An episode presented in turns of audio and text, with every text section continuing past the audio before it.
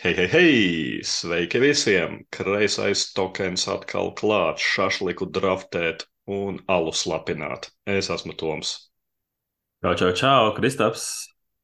Mais, jūnijas tie ir tie laiki, kad visi kārtīgie letiņi gaida Jāņu svētkus, lai var visu nakti plītēt, dejot un dziedāt. Un visi kārtīgie gameri gaida, kad paziņošu pildes jāres nominācijas, un, un, un, un, un jūnija beigās jau arī iespējams brīžiem pasaka, kurš tad īsti to balvu iegūst. Nu, redzēsim, kā būs šogad. Kā Jā, tev patika uzreiz vispārīgi nominācijas, pirms mēs ieejam detaļās?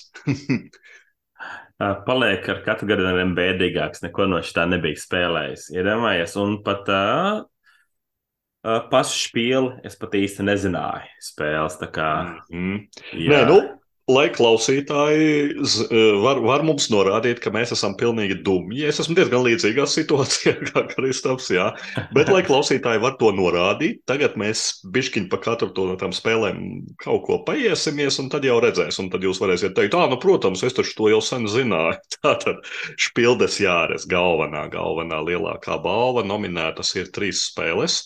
Dorf Romantic The Board Game, Fun Facts un Next Station London.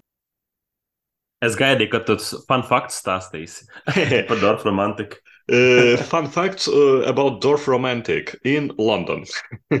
Dorf Romantic, the board game, ir uh, balstīta uz populāru datorspēli. Un, un, un nu, cik man ir izdevies, pats neesmu, protams, kā jau mēs teicām, nevienu mēs neesam spēlējuši, bet no atsauksmēm šķiet, ka dizaineriem ir izdevies pārnest to digitālās spēles atmosfēru uz galda spēli. Uh, Un, un, un es, es personīgi ar prieku viņu uzspēlētu, bet laikam svarīgākais Dorfa romantikā man izskatās ir nevis viena partija, bet digitālo spēļu narkotika, ka tu dabū mikro apbalvojumus un tad tu viņus krāmē Jā. nākamajā spēlē stiprāks vai ne, un vēl pie tam kooperatīvs. Nu, man liekas, tāds labs pretendents, ne?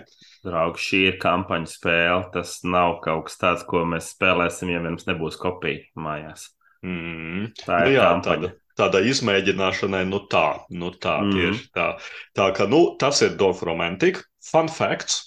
Kārtējo reizi repos izdevējs katru gadu pa vienai vieglai un interesantai ballīšu spēlē laiž ārā Just Once, So Clovers, Fun Facts un tā tālāk. Man Man ļoti patīk ideja mm, tai spēlē, e, kā saka, pazīt spēlētājus ap galdu un, un, un saprast, e, cik, cik kurš varētu būt kādam faktam uzlicis e, vērtību.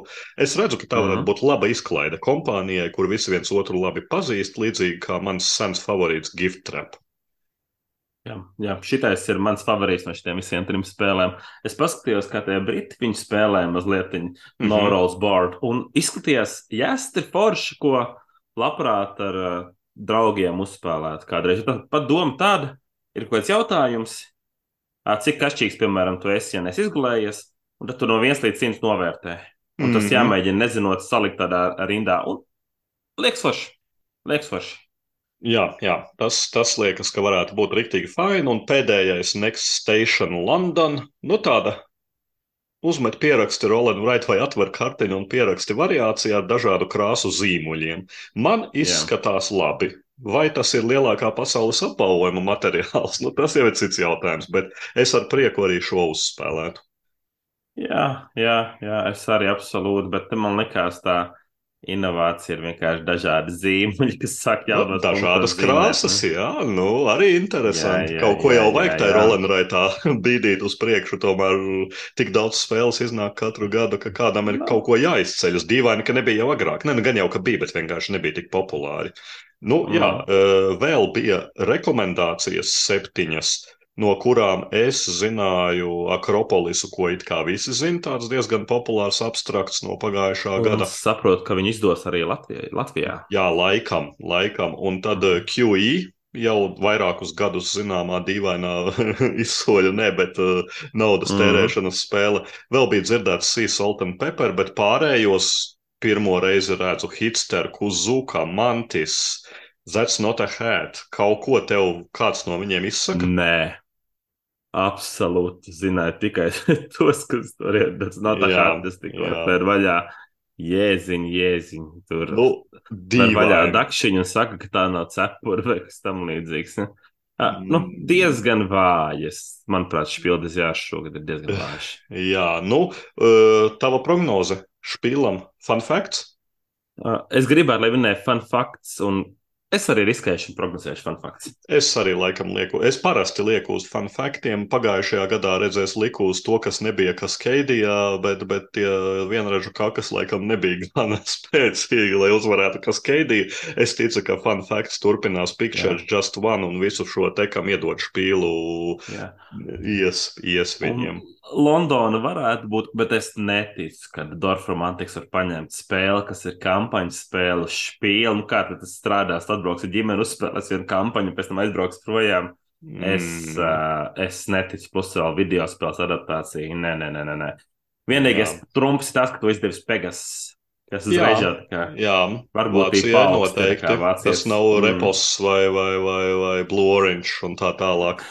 Man patīk, kā Daistovers teica, tajā apskatā, ka Dorf romantika, viņi domā, ka tas nosaukums vienkārši ir vāciski kaut kas uzrakstīts, tā kā Dorfs romantiķis. Jā, jā, jā, vai, vai cvergi, rūķi, Dorfi, visādi mm. brīnumi.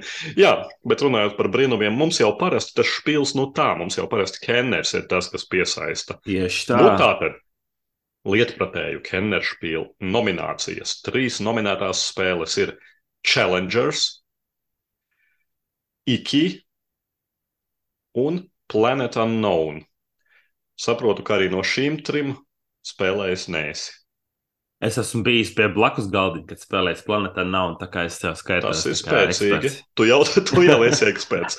nu, ok, tā tad Challengers. Challengers ir uh, tāda sava veida kavas veidošanas spēle ar Capture the Flag uh, tematiku, kas man šķita interesantākais sarežģītība board game geekā 1,91. Ai, ai, ai.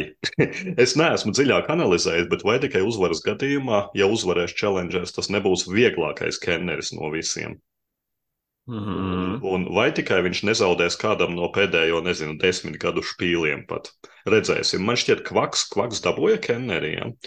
Liekas, ka kvaks kaut kad, ja viņš dabūja, kvaks ir sarežģītāks. Tā ka šis ir nu, rīktīgi no vieglā gala, vismaz tā var saprast. Un man pēc stila viņš atgādina smash up. Tā kā nu, likās līdzīgi. Jā, jā, jā. Tas, ar ko viņš ir spēcīgs, ir tas, ka viņš uzstājas spēles ietvarā turnīru. Mm -hmm. Kad spēlē ar vienu pretinieku, divi tādi uzstājas spēlē, piemēram, seši spēlētāji spēlē pa diviem. Mēs desmitās izraujam vienu partiju, samēnā desmitās izraujam citu partiju, uzbūvējam deku stiprāk, atkal izraujam citu, citu partiju. Un tas, man liekas, ir kaut kas ritīgs svaigs, kad uzstājas mini turnīru. Jā, un tas jā. ir forši. Es to labprāt izspēlētu noteikti. Nu, jā, es, man, man, man nu tā, bet uh, labi, laižam tālāk. Iki. 2015. gada spēles pārprintējums, spēle ar tālu austrumu tematiku, diezgan nopietnas eiro un, un, un ar savu sarežģītību virs trīs izskatās kā pārpratums blakus challengerim, ne? mm. Viņš ir parastais uh, eiro ar kādām at, at, vieniem vai citiem attribūtiem. Mm, mm. Tur vai iki, vai vienalga, ko mēs bieži runājam. Marko Polo tas ir vairāk vai mazāk tas, tas pats, tikai citām mehānikām. Nu, jā, iki, iki izskatās pēc forša eiro, mm. bet, bet tādi ir gana daudz. Uh, kārtējo reizi var jautāt, kādēļ žūrija paņēmusi vēl pie tam reprintu. Protams, varbūt izdots Vācijā pirmo reizi pagājušajā gadā, bet vai tiešām viņš bija tik populārs Vācijā? Nu, nezinu, nezinu. Un pēdējais ir uh, Planet Unknown. Un uh, tā ir spēle par savas planētas būvēšanu, izmantojot draftētus dažādas formas kauliņus. Un man no trim Kennera pretendentiem laikam visvairāk interesētu šo izspēlēt. Hmm. Tu esi sēdējis blakus. Kā viņš izskatījās? Vai viņš izskatījās Forši, pēc karkasona kā... vai pēc suburbijas? Nē, nu viņš izskatījās kā, kā tur Feast for Odin Kauling, kas vienkārši par to ir visa spēle, tu būvē to savu zemi, tā kā Terraforming Mars un savām planētām un laidies uz priekšu. Kāp uz, pakāp uz augšu trekos un forši te tā pa vidu tas griežamais riņķis, ko tur paņemt. Un forši. Es pieņemu, ka viņš ir ļoti forši patīkams spēle, un cilvēki izspēlēm priecājas. Jā, mm. jā, jā. Nu, un tad, eh, ja mēs, ja mēs apsmējām uh, rekomendācijas pie špīla, tad par rekomendācijām pie Kennera man liekas, ka situācija ir vēl bēdīgāka. Jo es atceros, citus gadus tur rekomendēju nu, kādas piecas, septiņas spēles, kur bija interesanti paskatīties. Šogad tiek rekomendētas divas - Council of Shadows un Mindbug. Lai man piedod fani žūrija vai spēļu īpašnieki, bet man šķiet absolūti nezinu, no kurienes izvilkti naunēmi. Jā, Tu biji kaut kur Mindbugs dzirdējis, redzējis, vienalga, jebko par šīm abām spēlēm. Nē, nu, es varu pateikt to, ka Mindbug mums būtu jāzina. Kāpēc? Jo viņš ir rankā 569. Ok, tad kaut kas, čī, tas ir, slepeni rāpo. Tas ir ritīgi augsts priekš tā, ar ko es arī nezinu. Mm. Konsoles ir 3700. Tas ir tas, kur mēs skatāmies uz spēles ar drausmīgiem reitingiem. Jā, jā, Bet jā. konsoles ir tas ir interesanti no alea Mhm. boxiem. Bet, Bet nu, nu- es uh, neko nezinu. Man arī tādi īsti. Uh, nezinu, kas tur izskatās. Fantasy, alien ar taustakļiem, tā tālāk. Nu, nav tas aizstošākā tēma. Mm, mm. Nu jā, nu jā, no šiem trim uh, nu es likšu šoreiz uz Planet Unknown, kad būs. Aha! Lai, lai Jā, tu vari uzlikt uz Simpson. challengeriem, vai ne? Es challengeoju uz challengeriem. Nu, tu challenge uh, manu gribu- izvēli. Kaut Es kur jau mums gribu, lai vajadzēja. uzvar spēle, kas man liekas vis. Uh, uh, oriģinālākā Mhm, tieši mhm. dizainā un atšķirībā. tā kā Tas ir Nu. man likme. Jā, labi, redzēsim. Un tad ir pēdējā lieta, kur Kristaps mums ir vienmēr nenormālākais speciālists, jo viņš ir bērnu dārza skolotājs brīvajā laikā droši vien tā. mācīt klavieres spēlēt, un, un, un tad arī Kinderspiel. Trīs nominācijas ir Karla Karamel, Žigamon Jā, jā, vai jā. Gigamon un Mysterium Kids, mazais mistērijums. Ko tu par šiem vari pastāstīt? Šeit ir pilnīgs kosmos šīs nominācijās, jo jā, salīdzināsim, Karla Karamela ir uh, drausmīgi primitīva spēle. Tu uzmet, ja tu uzkrīt tā ar krāstu, ieliec saldējumu kādu feature, uzmet bērnu ar bērnam saldējumu, uzmet sauli, kaut kāds saldējums izkūst. Uzmet un izdara to darbību. Tik primitīvi, es pat teiktu, līdz pat trulumam primitīvi. Ir Mhm. labākas spēles, tur, kur vārnīca priekš un darbojas, un kāda lēmuma šitais ir vieglāk par to. Un blakus viņam ir tas gigamons, kur tagad klausies, kurš, manuprāt, ir grūtāks par challengeriem. Labi, grūtības pakāpē nē, bet tādā dorfa noteikti viņš ir grūtāks, jo tur ir uh, mazliet memorija aspekts un spēlētāji tur var vaļā. Viņš savāc divus zilos briesmonīšus, viņam tāds powers atnāk, divus uguns briesmonīšus, tad viņi var kādam kaut ko nozagt, uh, divus tādus briesmonīšus, citādāks powers, un tur nopietni šteli ir iekšā. Jau, kas, uh, nu, arī, starp citu, 14. gada spēle. Jā, es tikko atvēru, ka tā ir 14. gada spēle, un kas ir interesanti, ka 15. gadā viņa dabūja franču bērnu spildes Mm, jāru. mm. Tā kā Jā, es pieņemu, ka tas varētu būt uh, foršs. Uh, manam vecumam, bērnu vecumam, varbūt tas var būt par daudz jau šobrīd, bet uh, tas varētu būt foršs. Bet salīdzināt ar Karla karamelu, tas ir pilnīgi kreizī.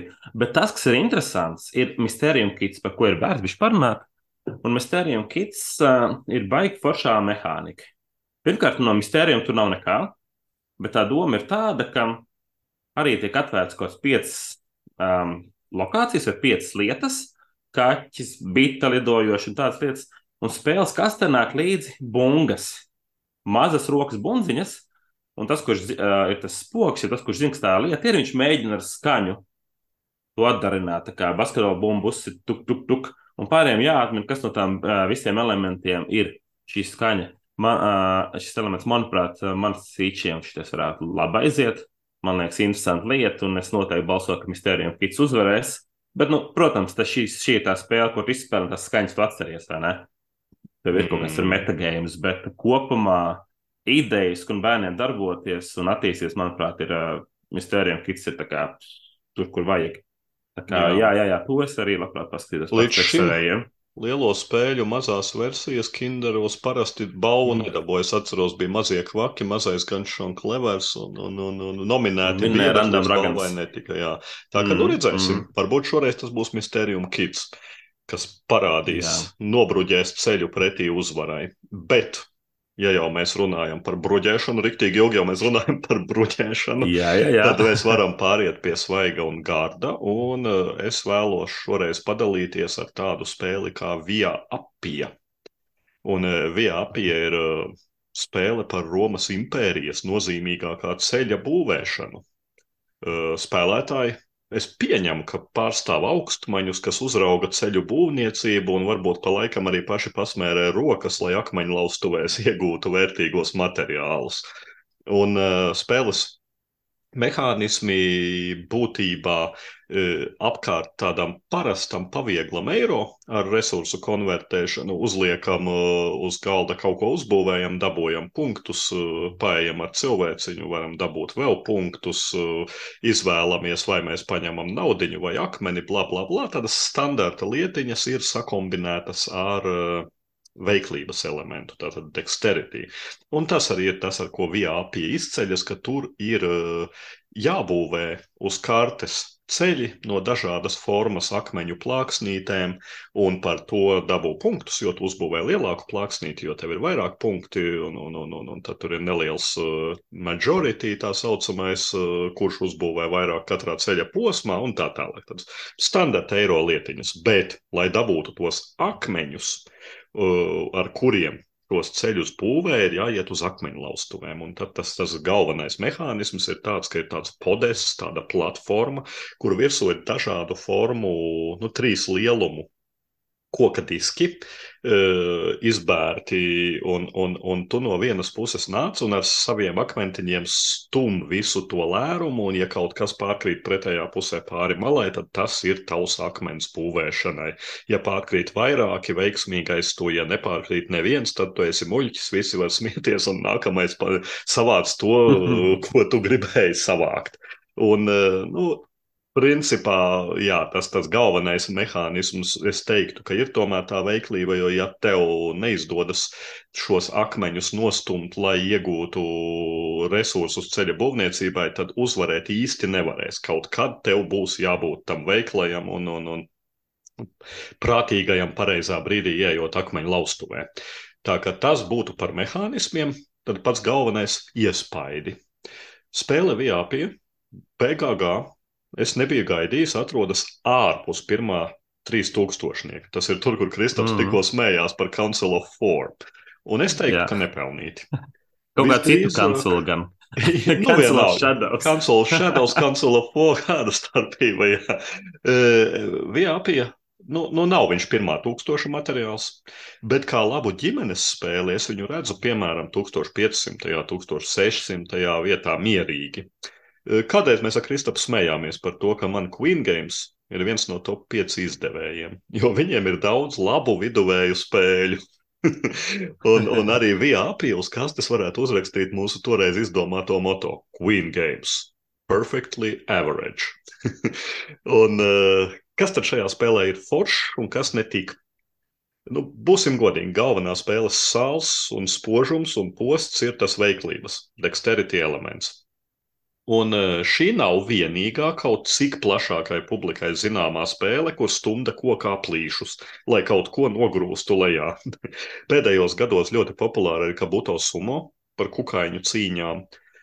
Es neteiktu, ka viena vai otra ir labāka, Kukaiņu spēlē noteikti pārsvars ir pašā veiklības elementā, jo tur ir dažādas specifiskas figūras. Tiem kukaiņiem ir tā kā superspējas. Tur vienam ir briežvabolē ragi, citam mēslu vabolē tur ir milzīgs sūds, ja liels apaļš. E, bet via apija priekšrocība gūstais to, ka aiz tā veiklības elementa slēpjas relatīvi laba spēle. Tas eiro ir tā ceļu būvēšana un, un, un, un, un e, iešana pa to ceļu uz priekšu. Akmeņu stumšana ir forša Un spēlētāji var, kā mēdz teikt, mitigētot, ietekmēt savu veiksmi. Var stumt ar dažāda lieluma akmeņiem, kas bija jau pirms tam sev ievākti. Var nodrošināties, lai tev ir trīs stūmieni, nevis tikai divi. Tā ka tik tālu viss ir lieliski. Man liekas, ir divi mīnusi, divi nopietni mīnusi. Pirmais ir spēlētāju godīgums vai gluži vienkārši roku netrīcēšana. Tas ir ļoti svarīgs nosacījums. Jo šāda tipa spēlēs, nu es nezinu, arī kazino, ne, bet uh, spēļu zālēs ir tie automāti, kur ir pārkārušies pāri monētas, pāri malai, un, un tad liekas, tūlīt es nometīšu monētu, un nu tik man viss pabirs. Un, protams, ka tā viņi tur met un met dienām daudz un neko nedabū. Uh, spēlē, kur burtiski svarīgs ir katrs milimetrs, ir milzīga nozīme tam, kā spēlētājs veids veiklības darbību. Es personīgi to darot, es sastingstu un darbojos tik uzmanīgi, cik iespējams, lai es būtu maksimāli godīgs, lai es nepakustinātu galdu vai nepakustinātu to platformu, kura nemaz nav tik stabila. Un man šķiet, ka tas ir vienīgais un pareizais veids, kā ir jāstumj akmeņi šajā spēlē. Es vienkārši pienāku un maucu. Jā, es esmu gana bieži redzējis, jā, es esmu gana bieži redzējis, ka stumšana dara nelielu švunku, izdarot inerci, tādā veidā uzsitot pa platformu, vērtīgie akmeņi nokrīt un nonāk konkrētā spēlētāja rokās. Es nesaku, ka tas notiek negodīgi. Nē, atšķiras tas uzmanības koncentrācijas līmenis, ar kādu spēlētāju pieiet šai atrakcijai. Un, teiksim tā, protams, tā ir viegla, viegla zemstundas spēle. Būtībā tur varētu pieiet jebkā, bet es teiktu, es labāk pieeju super uzmanīgi, jo citādāk man rodas mūžīgais jautājums, kur ir limits, cik tālu es varu iet. Ja, ja, ja tas tur bišķiņi pagrūž, un tam moškais bliezīšu ar plaukstu, ja, un necēšu, cik novelsiet. Bet ok, pirmais mīnus šis te ir relatīvs sīkums. Man nepatīkamāks ir iesprūšanas efekts. Nezinu, kāds tam ir korektākais termins. Principā tas ir tad, kad ir redzams, ka to akmeņu stumšanu tu vari darīt, bet neko tas tev nedos. Un mm. būtībā spēlētājs, kurš to darīs, paliks muļķos, jo viņš uztaisīs visas iespējas nākamajiem. Un es esmu bijis partijā, kurā spēlētāji vienkārši neiet uz akmeņu laustuvēm un dara citas spēlē pieejamās darbības, apli pēc apļa. Un Tas laikam principā parāda, ka tā ir vecāka spēle, jo tas ir mehānisks trūkums.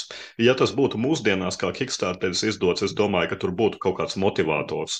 Ja darbība nav veicis neviens spēlētājs pilnu apli, noliekam virsū monētu. To dabūs tas, kurš tur ies. Apiet vēl viens aplis niens negāja, uzliekam vēl monētu vai uzliekam vēl divas. Nu, tā motivēšana šādos gadījumos, es domāju, ka tur palīdzētu noteikti padarīt to spēli sabalansētāku. Tā kā jā, nu, veiklības sadaļu VIP apskatījām, kā ar pārējo. Spēle ļoti vienkārši šeiro, man patīk gana interesantās mazās izvēlītas. Tu vari būvēt ceļu no lieliem akmeņiem, lai dabūtu daudz punktus. Protams, ja tu viņus dabūji akmeņlaustos, tu vari būvēt vairākus mazus ceļus, lai dabūtu vairākumu konkrētajā ceļa posmā. Tu vari skriet ar savu augstumani pa uzbūvētajiem ceļiem, nav obligāti saviem uz nākamo pilsētu. Tas, kurš pirmais aizskrien, dabū punktus. Un mana pieredze liecina, ka tie visi veidi šķiet sabalansēti. Punktu krāšana mm. darbojas. Un ir arī neliela intriga spēles beigām. Tiem, kas neskaita katra spēlētāja katru iegūto punktu līdzi spēles beigās, tāpat paskatās tās vairākumus konkrētos ceļa posmos, kādas kurš ir dabūjis punktu kartiņas un tā tālāk.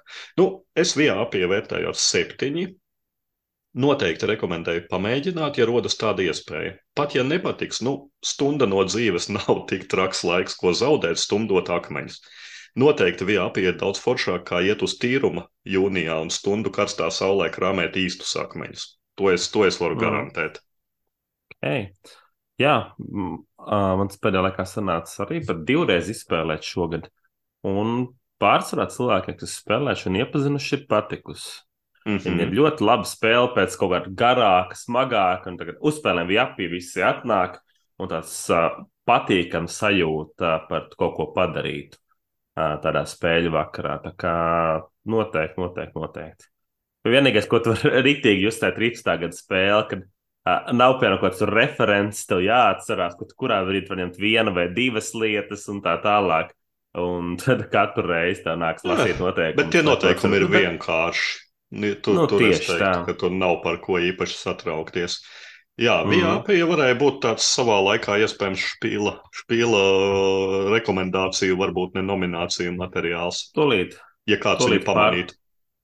Tolīt pārdalīts par auto, pārstāstīs reprintu par autobāņiem un būs viss. Viss kā nāks.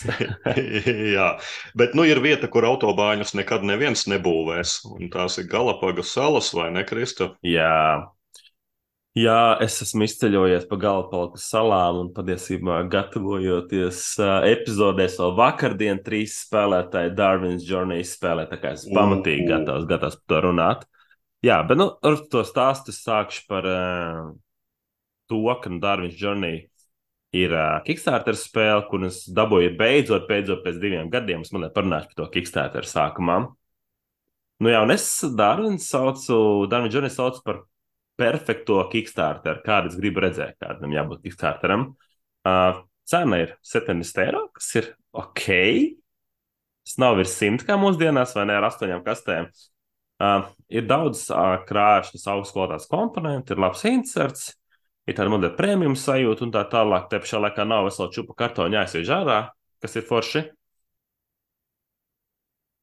Un tā tālāk. Un, jā, ir dažādi krāšņums, Uh, un, protams, šitais, šitais um, Kickstarters nāk kombinācijā ar slaveno itāļu mafiju. Itāļu mafiju, Simoni Lučiani, ja nemaldos, dizainers un Nestor, Nestor Mangone. Jā, man liekas, slavenais zinām. Itālis Turcija ir taisījis solo. Tas slavenais itālis, Horvātija, itālis, Turcija ir taisījis solo. Tā kā jā, viss ir kārtībā. Un Bet Kickstarteram ir tāda ļoti interesanta īpatnība, kas, ka parasti Kickstarter spēles paliek karstas divreiz. Vismaz tās ir mega hiti. Un Dārviņš Žanēs bija izdots Kickstarterī 2021. gadā, janvārī, un tad viņš bija mega hits. Gada sākums, un visi runāja par to, ka Kickstarter viņš paredzēts piegājas novembrī. Entajiem apskatniekiem tā ir tā gada gaidītākā spēle un tā tālāk. Un viņš patiesībā savāca ļoti daudz naudas, vairāk kā miljonu eiro, kas ir solīdi tādiem smagiem eiro. Salīdzinām, mm. piemēram, Rūtas savāca 600 tūkstoši, nu, un Rūtas zina visu. Taču pienāk 2023. gads, uh, divi gadi vēlāk, tā spēle, uh, un es to varonīgi nesu uz pirmo spēļu vakar lielo vēl kā ārā. Un izrādās, ka tāda rūtīta spēļu zinātnē, seko īsti nezinu, okay, kāds Dārvins, nu, tur tu jātais megapičs, kas tāds vispār ir. un tā tālāk. No, nu, okay. Bišķi par ilgu. Ja tas būtu viens mm. gads, tad atceras, bet, bet divi jā, jā, jā, jā. jau aizmirsti. Bet te tas joks, ka Dārvids te piedzīvoja to otro karstumu. Viņš jau tagad parādās šobrīd tieši maijā daudzos apskatos. Uh, Daistovers viņam totāli iznīcināja kā spēle, un, bet nu, dažādi podkāsti arī ļoti, ļoti augstu novērtēja. Uh, nu, lūk, bet nu, otrais slavas vilnis nebija. Un kopumā, kopumā Dārvins pirms ķeros sīkāk ir laba spēle, daudz pašām idejām, bet tāpat laikā arī man būs gana daudz kritikas. Kas būs no manas puses tāda par, stā, par stāstu un mehāniku. Spēlētāji vienkārši dārvina sekotāji, katrs rulē pakaļ viņam savā kuķī, ar galvapaku salām, izsēdina savus pētniekus, ievēl dažādas zvēru sugas, pēc tam to sūdz uz Britu muzeju un tā tālāk. Un pa ceļam viņi uzlidos, uzlabo savas komandas prasmes, būvē telts, sūta vēstules uz mājām un visu kaut ko.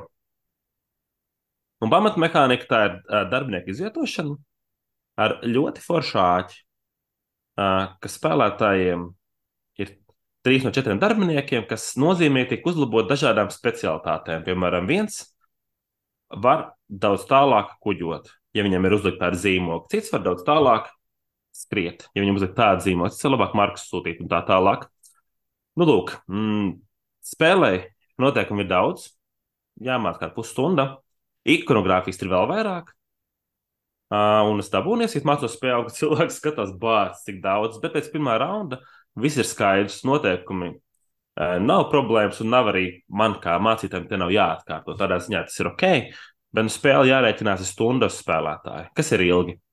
Lūk, un manas domas par Dārvinu, Dārvinu iedalās um, pozitīvās un negatīvās lietās, par kurām es arī pastāstīšu. Tātad pirmā absolūti, absolūti pozitīvā lieta ir ceļošana pa salām. Proti, spēlē trīs salas, spēlē ar milzīgas kuģošanas, um, ceļš, un tad tiešām var jaudīgi un ērti ceļot. Patiesībā es teiktu, ka šī ir viena no jaudīgākajām spēlēm, kur ir daudz kur ceļot, darbot, izpētīt, atrast uz zvērus, uzbūvēt telts, un tev ir sajūta to foršu ceļo un darbojies pie tādas salās, tu ej priekšu, tālāk, kā salās vairāk var atklāt pa ceļam, ar kur piestāt, tas ir burvīgi. Man ļoti patīk, man jāatsaka atmiņā, man mīļā Fistera Marakaibo sena partija, spēles Marakaibo partija, kur arī ir kuģošana par īņķi un ir viena liela sala. Mēs spēlējām trīs spēlētāju spēli, un tas bija tik drausmīgi skumji. Es biju vienīgais, kurš vispār kustējās pa to salu priekšu. Darvinā tā nav. Tu ceļo, tu ej darbojies, un, ja patīk iet pa kartēm, šis ir ļoti spēcīgi. Manuprāt, spēcīgāk gan par Coimbras kārti, gan arī par Marko Polo vai Newtonu. Es skatos tos pašus dizainerus. Šeit var izskrēties pamatīgi. Interesanti savā ziņā, kamēr tu stāstīji, es iedomājos, ka īstenībā Darvina šīs te trīs kartes varētu teikt, ka tie ir treki. Jo, Jā. Jo, jo, jo viņas maz drusciņi kādā vietā laikam sazarojās, bet, bet, bet principā tas ir no, no iet uz augšu dziļāk, dziļāk, dziļāk, dziļāk salā un dabūt labākas balvas. Tā kā es teiktu, ar mm. Coimbras karti to īsti nevar salīdzināt, jo Coimbras kartē, ja pieliktu klāt tos trekus, kas iet gar malu un apvienotu, tad iznāktu kaut kas šāds. Tā kā noteikti Jā. ļoti interesanti tā iešana pa salām ir. Mhm. Tas, kas te ir, ir tā drosme, jo tu tādā trekā vienalga Coimbrā vai iedomājies Orlējā, tu neieliksi tik daudz dažādas un dūlas lietas. Tu ieliksi ekonomikas treku, tu ieliksi kaut kādu militāro mm -hmm. treku, un tu ej uz priekšu un uzlabojies. Te ir Rosols ielikts iekšā pamatīgs, un tas ir forši. Īpaši tāpēc, ka spēlētāji, ja tur uzkāpj uz lauciņa, nē, nē, nē, Toms tur vairs nevar uzkāpt. Viņiem ir nākošās lietas, viņš var pārlikt pāri man, tālāk tiekot uz priekšu. Tas arī ir stilīgi. Tas opcijas mainās. Izlaist. Tas ir, forši, tas ir, tas ir, es teiktu, tāds bišķiņa mm. Solkina zobratu mehānisms, ka ja kāds ir uzlicis, tu vari likt tālāk. Tev ir, jā, tu, tu jā. vari izlaist kaut ko, lai tiktu tālāk, un te tas strādā. Labi, man pirmā negatīvā lieta. Spēle, manuprāt, ir ļoti tematiska priekš eiro šāda. Šāda dziļuma, šāds smaguma eiro, manuprāt, ir super tematiska. Uh, līdz vienai lietai, kas ir drausmīgi bezpersoniski, un tas ir individuālās misijas. Proti, tāda kvadrātēna lauciņa, kur spēlētāji var paņemt, izpildīt kādas misijas, kuras liek virsū izdot spēles laikā esošas bonus.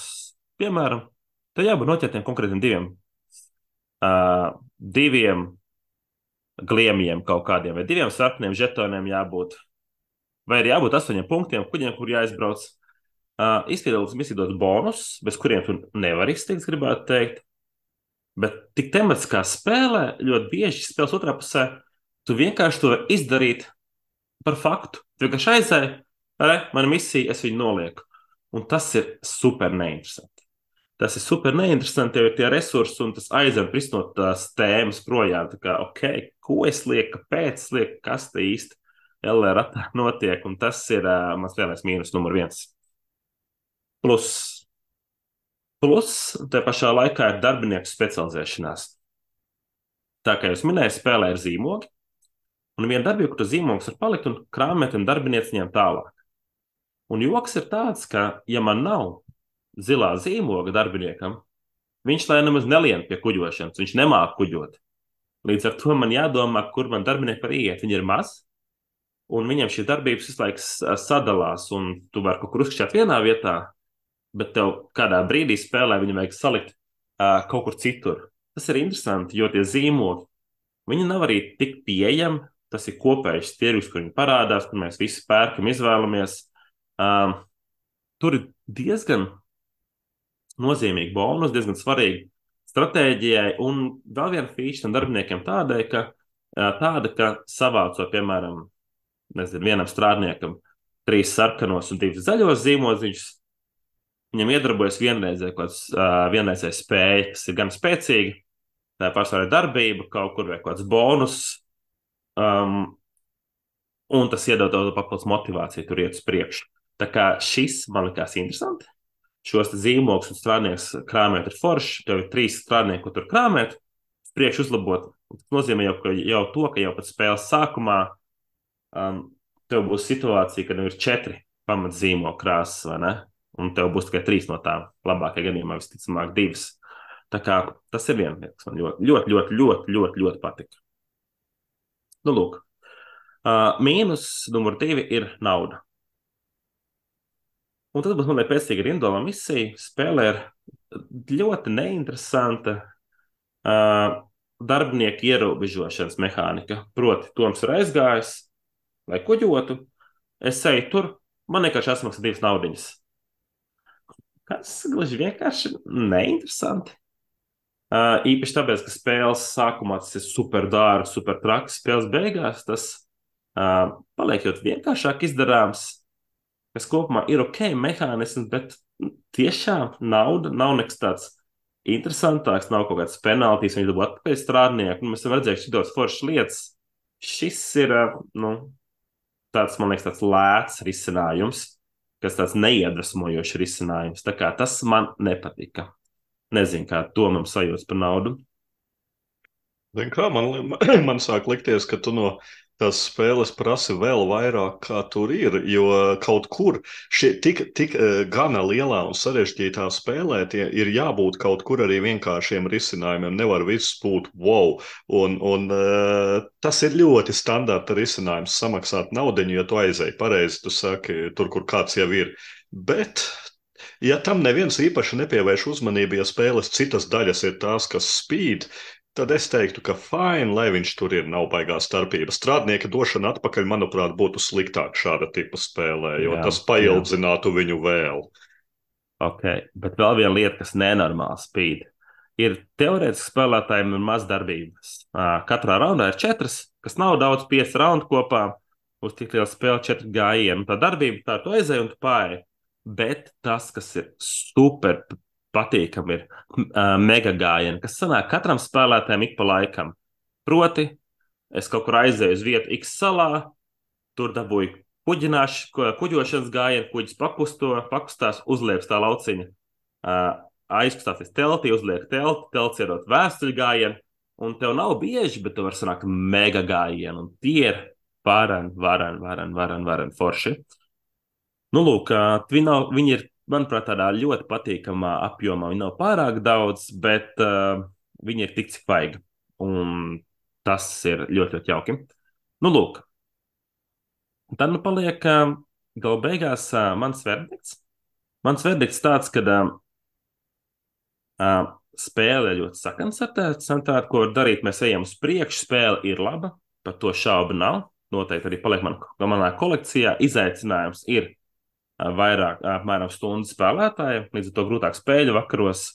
Bet uh, ir, ir labs variants, ko spēlēt uh, atkal un atkal un izpētīt tālāk, un pa potenciāli paskatīties kartes otru pusi. Otrā pusē ir ceļošana pa ugunszemi, kur ceļo paralēli trīs kuģi, uh, kas varētu būt super interesants pasākums. Tā kā jā, ir laba pieredze. Es neteiktu, tas ir uh, mega desmitnieks vai kas tāds, bet mans stabils astotnieks, pie kā es labprāt atgriežos pa laikam, absolūti tā kā Dārvins rekomendēs no manis. Nu jā, uh, līdzīgi kā Kristaps, iespējams, mēs nevaram zināt, bet kaut cik jau cerams, ka gan es, gan klausītāji Kristapu pazīst.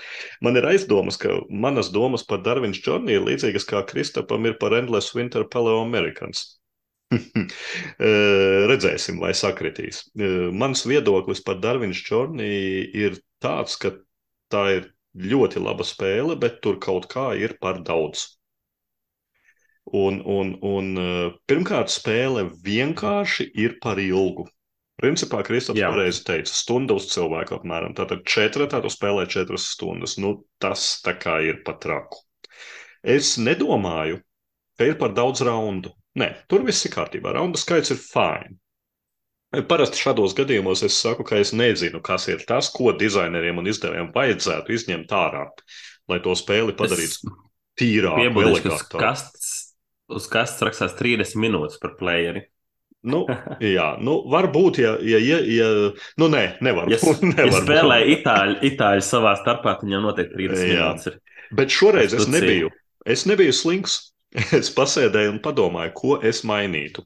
Un man ir ierosinājumi. Nevis hausroļiem, bet ko, kā es redzu, kā tā spēle iespējams būtu labāka. Pirmais - Marku sadaļa. Būtībā mini-teritorijas kontrole, kur spēlētāji vienkārši krāmē, lai izdarītu citas darbības. Vispār viņu ņemt ārā.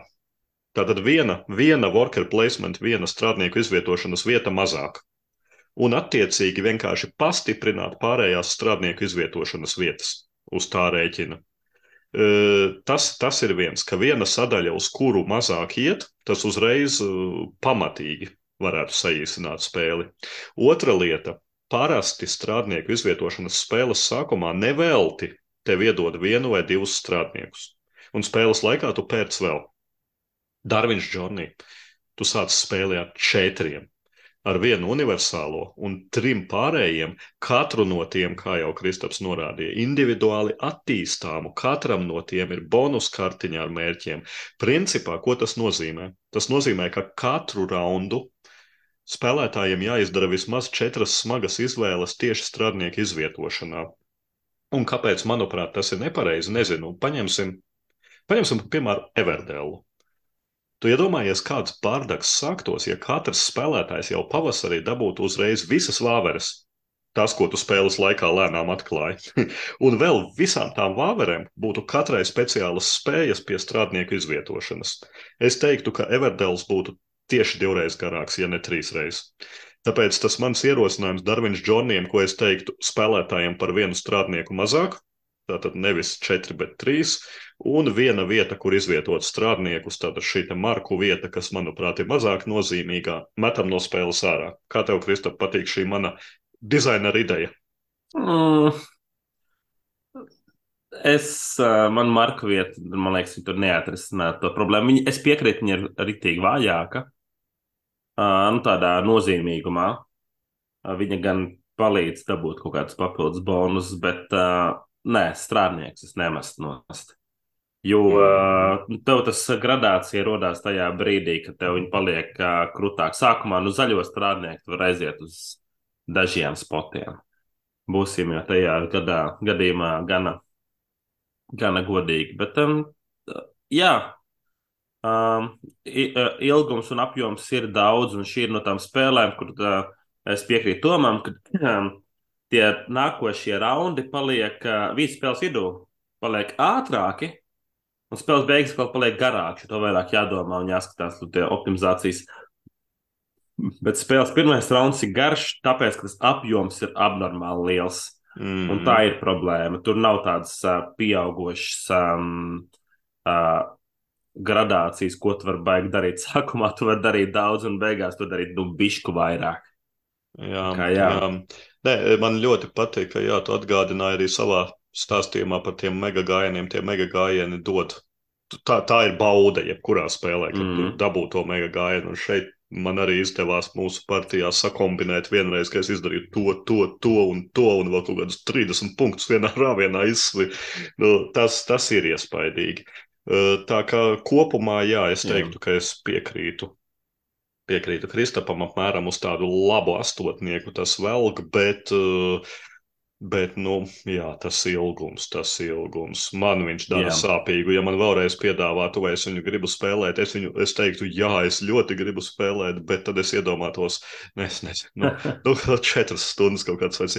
Bet eh, kā viņš, starp citu, gradē, tu esi trietā spēlējis, tu esi spēlējis četratā, un, un tu esi spēlējis solo. Kā ir Jā, solo? Trietā ir ļoti forši, jo tev vienkārši trīs stundas. nu, tur jau tas ir. tāds īsti bez tādas lielas atšķirības. Sajūtās, solo ir stunda. Es to sācu vienos beidz. uh, solo ir smagi. Es teikšu godīgi, uh, jo es mācījos tādā formātā un spēlē. Viens no vēl viens mīnus, kas nepieminēja, ir um, noteikumi, kas ir ļoti labi uzrakstīti. Tev viss ir skaidrs, bet priekš Dārvina uh, tas ir 26 lapas puses. Viņi ir tādi, kas triviāli atkārto visu kaut kādas lietas. Es domāju, nu, bļāviens, es sapratu, jo pirmoreiz, kad man teica, ka tā, tur man vajag divas sarkanās, sarkanos zīmogus, lai tur ietu. Kāpēc man vēl četreiz jāatkārto? Viņi ir gari un smagnēji. Tas izlasīja 26 lapas puses, un tad atnāk vēl solo bots uz vēl 11 lapas pusēm, kas tev jālieto. Un tad izdara savu gājienu un domā, Kā tu tā vietā, tu tā vietā lai, lai, lai, lasītu, lai spēlētu solo, tu katru reizi apsēdies, izlasi vienu lapu no solo botu un uzskati, ka tu esi spēlējis dārviņu. Noliec plauktā, nākamā reize, kad sagribas uzspēlēt, izlasi vēl vienu lapu un mm. jūties, es esmu uzspēlējis. Viņš ir interesants un viņš ir foršs, un tie boti ir vairāk līmeņi, tur ir tīks automas, bet viņš ir uh, līdzīgi kā pat spēle, tur nu smagnējums sajūta. Bet tas, ko man varam gribās izspēlēt. Un tā es domāju, ka vēl lielāka, vienīgā vai lielākā cerība tom ievilkt vēlreiz ir kartes otra puse. Mm. Jo otrā pusē mainās pišķi mehānismi. Te bija pirmajā pusē, tu skrienot pa savu ātru dabu punktus, otrā pusē tu dabū kaut kādus piedzīvojumus. zemes vai ūdens piedzīvojums, kur tev ir jāmenedžē savs laiks, un jo tu vairāk laika iztērē, tev nāk kaut kāda gājiena, paliek švakāki un problemātiskāki. Nu, tev dārgāk maksā un tā tālāk, bet tu dabūji visu laiku kaut kāds bonus, visāds labumus un tā tālāk. Un tas varētu būt tāds mega, mega izpētes uh, spēle un daudz vairāk uz tādām lietām. Tas varētu būt. Jā, Vārdu sakot, ja, ja Darvins Džoni ir špils, tad otra pusē jau ir Kenners. Tur mēs pārējām pakāpt kā augstāk. jā, Darvins nu, Džonis. Tik tālu no Kennera, jā. Mm, bet, jā, Zolīdi, bet visticamāk viņa nesasniegs to savu otro kāpienu pēc Kickstarter. Būs uh, uh, kārtējā nu, labā citu, BGG 500 šobrīd, 500 vieta, tas nemaz nav tik zemu. Nu, es domāju, nu, jā. ka viņa līdz trešajam simtam tiks, bet vai jā. viņa tiks pirmajās 200, nu nezinu. Ja domājam, par miljonu atnāks, visas komponentes, viss ļoti skaisti, krāšņi. Um, fani tur uzrauga ļoti ātri tos vērtējumus. Mm, iespējams, augšā. pirms viņa vispār bija piegādāta, jau bija uzrauga mm, vērtējumi nu, augšā, kā tas parasti jā. notiek. Jā, nu, Darvins pētīja zvērus, pētīja augus, eh, varbūt bišķiņa arī fosīlijas mazāk, eh, bet runājot par fosīlijām, eh, sen nav bijusi mums akmens laikmeta vēsture. Oho! Oma, jā. Jūnijas epizode ir Jāņu laika epizode, un tāpēc tāds horror stāstījums no manis, no labi, mazā, varbūt ne gluži horror stāstījums, oh, oh. bet kārtējais katanas ieceļotājs stāstīns. Jā. nu, tā tad uh, iedomāsimies idili Jāņi lauku saimniecībā. Tad būs milzīgs ugunskurs, netālu ir ezers, kur peldēties, apkārt mežs. Nu, vienkārši idille. Kas vēl mm. ir vajadzīgs gameriem? Nu, kāda spēle, ko uzkapāt? Tajā laikā, akmens laikmatā, nu, manā rocībā nebija nekā cita kā vecie labie katanas ieceļotāji. Bet nu, veterāni zina, ka tas bija absolūts Jā. mega hīts. Arī to cilvēku lokā, kas mēs bijām tajos Jāņos. Es patiesībā uzskatu, ka dažādās kompānijās es izspēlēju katanas ieceļotājus nu, ap simts reizēm vēl ilgi pirms sāku reģistrēt partijas BGG. Bet, nu, akmens laikmets, Jāņu pasākums. Bijām pieci gabali, Un mums nav paplašinājums katanas ieceļotājiem uz vairāk spēlētājiem. Uh. Un Kristapam vienmēr ir ļoti iemīļots jautājums, ko darīt, ja ir pieci? ko spēlēt? Tev ir jāiemāna kādam uh, ceptu. Jā, kas principā nu, mūsu gadījumā nozīmē, ka kāds paliktu aiz borta, ceptu gaļu, un neviens to negribēja. Un šajā gadījumā mēs pat nerunājam par uh, Jāņu vakaru. Nu, tas, ja tas jau ir ugunskurš tel un tā, mēs runājam par līgo dienu, rītu un tā tālāk. Tādēļ man bija jāpieņem zāla mana lēmums, ka tajā dienā katanas ieceļotājus mēs nespēlēsim. Pababam! Šoks no dažiem pārējiem bija lielāks nekā, ja es pateiktu, ka alu es ieslēgšu pagrabā un nedzersim. Jo, nu, kā var nespēlēt kā tāds ieceļotājs? Visu līgo dienu trīs no mums pieciem staigāja man pakaļ un mēģināja pierunāt, ka, nu, tā kā vajadzētu izvilkt un uzspēlēt, nu, tā kā vajadzētu. Un es jau pēc dabas neesmu vispār spītīgs necik, bet pie saviem vārdiem ir jāpieturas, un tā ir līgo diena, kam on nu, uzpošam māju, uzspriešanām ugunskura, lasām Jāņu zāles, nodarbojamies ar ārā sportiem, ejam peldēties. Nu, tā kā normālie cilvēki, nevis nerdi vai ne? Nevis sēžam tumšā telpā un tirgojam labības pret mālu. Bet uzstājība bija tik liela, iedomājies, ka es biju spiests izmantot spēles īpašnieka kārti, sakot, ka nu nebūs, nu nomierināmies nedošu, nespēlēsim. nu, lūk, mhm. un uh, pienāca dienvidus, un mēs ar vienu biedri, kurš katanas ieceļotāja veto ziņā bija manā pusē, kaut ko rosāmies, kārtojam. Vienā brīdī es piefiksēju, ka pārējie trīs jau labu laiku nav neredzēti, nedzirdēti. Ai, ai, ai. Mēs pameklējām iekšā, pameklējām ārā klusums. Un tad es pamanīju, ka katanas ieceļotāju lielā sarkanā kaste arī nekur nav atrodama. Nodevība. Ah. Mēs ah. sapratām, ka mēs esam piemuļķoti un iespējams pat ar viltu aizsūtīti kaut kur tālāk, lai varētu notikt tāda afēra. Nu, un bija jāsāk meklēšana, izmeklēšana, liecinieku iztaujāšana. Liecinieks bija Mana mamma apliecināja, ka viņa redzēja, kā trīs pārējie ar spēles kasti padusē skriešus bēguši pāri pagalmam, lai paslēptos garāžas augšā un nodurtos savām izvietībām. Nu, tas no manis tas piebilda, nevis no liecinieka par izvietībām. Un, un ko darīt? Un par laimi es nebiju viens šajā krīzē. Un, uh, mēs ar kolēģu veicām iespējams labāko izvēli šajos jāņos. Mēs paņēmām kaudzi alus, nolīdām klētī un dažas stundas mierīgi vēsumā pasēdējām, kulstot mēlus un veldzējot prātus. Pēc principa, lai tie citi pameklē mūs, kad pabeigs savu spēli, kas visdrīzāk -hmm. tā mhm. arī notika. Akmens laikmeta vēstures stāsta morāli, tuvojas Latviešu nacionālajie svētki. Un gameri es ticu, ka māca apvienot gan ēšanu, gan dzeršanu, gan dziedāšanu, gan arī kādu spēli uzlikt galdā. Bet, nu, nevajag uz to spēli tā uzspiest. Varbūt, ka tā nav labākā diena, kad mūsu hobijam likt nomākt visu pārējo.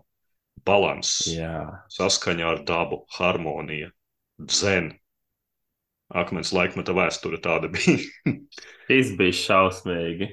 Uh, patiesībā Uh, ņemot vērā, ka tu, uh, tu vari ļoti labi redzēt, kā Toms iesprings via apija biedīt uh, maigi un precīzi to uh, koku, lai nu, nekristu pārāk daudz akmeņu. Šitien tas pats, jo es katru spēlēju sešatā pa pāriem komandās un uh, viss kaut kas ir tādā veidā, kad bija tā spēļu nabadzības laika, vai ne? Mm. Uh, tad uh, viss kaut kas ir rauts visādās komandās un tagad to nespēju iedomāties, ka kā seši cilvēki ir sanākuši un spēlē Tikai tur raidi, vai ne?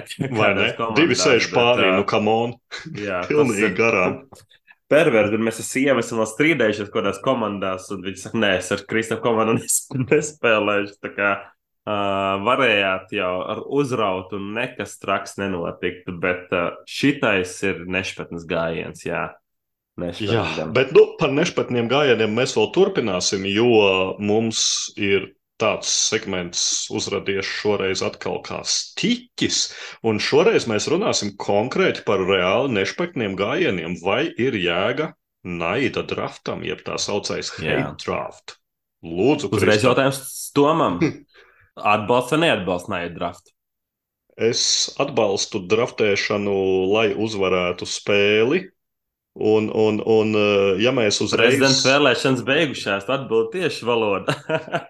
ja mēs skatāmies, eh, ir spēles, kurās tas ir nepieciešams, un tas ir atkarīgs arī no spēlētāja skaita. Es teiktu, eh, teiksim, divi tā drafta spēlē, hate drafts ir absolūti obligāts. Tur nav variantu. Jā. Tas ir, tas ir mazliet svarīgāks par īsto draftu, bet sākot pieaugt spēlētāju skaitam, tā jēga kļūst aizvien mazāka, manuprāt. Bet nu redzēsim, mm. redzēsim ko tu piedāvāsi no teorijas viedokļa.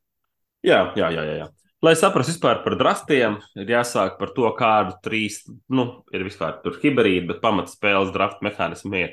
Ir slēptais drafts, ienamies Seven Wonders, tur redzi uh, septiņas kārtas, patur vienu, padod tālāk. Skaidrs. Tad ir atvērtais drafts, kur viss redzams visiem, vienkārši pēc secībai kaut ko ņem azuls, paņem plāksnītes, point salad ir labs piemērs. Tu paņem kaut kādus dārzeņus, Un tad ir tāds ratāks ir darbību drafts, kā piemēram Puerto Rico vai Rising Sun. Tu izvēlējies no uh, rokas darbības, paņem vienu un viss tam seko. Uh, un naida drafts būs tad, kad izvēlēsies kā darbību, nevis tāpēc, ka tev ir labums no tā, bet tāpēc, ka tas iegāž kādu citu vairāk nekā tevi. Mana pēdējā piemēra un pieredze naida draftā bija spēlē Earth kur iekšā ir darbība drafts, un man jāizvēlās viena no četrām opcijām, ko man darīt.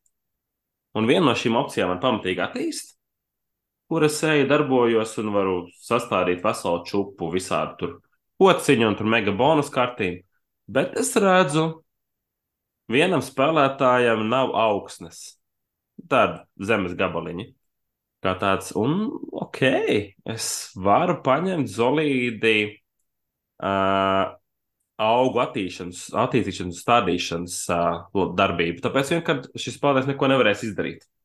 Un, jā, viņam šis gājiens vienkārši redzēt secen. Tāds ir tāds labs naida drafta piemērs, kurš neizvēlos sev optimālo variantu, bet paņēmu kaut ko suboptimālu. Uh, mazliet mazāk optimāli, tāpēc, ka citu pamatīgi iegājuši. Uh, te, protams, mēs jau vienā epizodē runājam par relatīvajiem punktiem, tāpēc tam es nepieskaršos, kā mēs varam rēķināt tos punktus. Bet uh, man, es apkopoju trīs lietas un pamatprincipus, kāpēc un kuros brīžos lietot naidas draftu. Uh, Toms ļoti precīzi pateica jau par divu spēlētāju spēlēm, kad nu, tā ir mehānika. To es nepieskaršos šobrīd, bet es atšifrēju trīs brīžus, kad tas ir itīgi iedzīgi. Punkts numur viens. Jēga ir tad, kad pretiniekam tas patiešām sāp. Principā uz pilnu spēli tu nogriež veselu raundu, kaut kādu iespēju izdarīt stratēģiju, vai nevar izpildīt misiju, ja to tu izdari un tā tālāk, vai vispār neko nevar izdarīt, tad tam pārsvarā ir jēga. Piemēram, ja azulā tu vari paņemt tikai mīnus vienu punktu, pretēji būtu mīnus divi punkti, jēga maz, dar, ko tev vajag.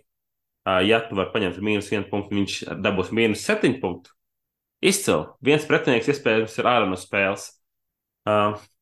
Tāpat tās arī Seven Wonders noteikti ir vērts norakt ar kārti, kurai ir um, norakt tieši to kārtu, kuram pretiniekam ir visi resursi, jo viņam tas var potenciāli vairāk, vairāk sāpēt.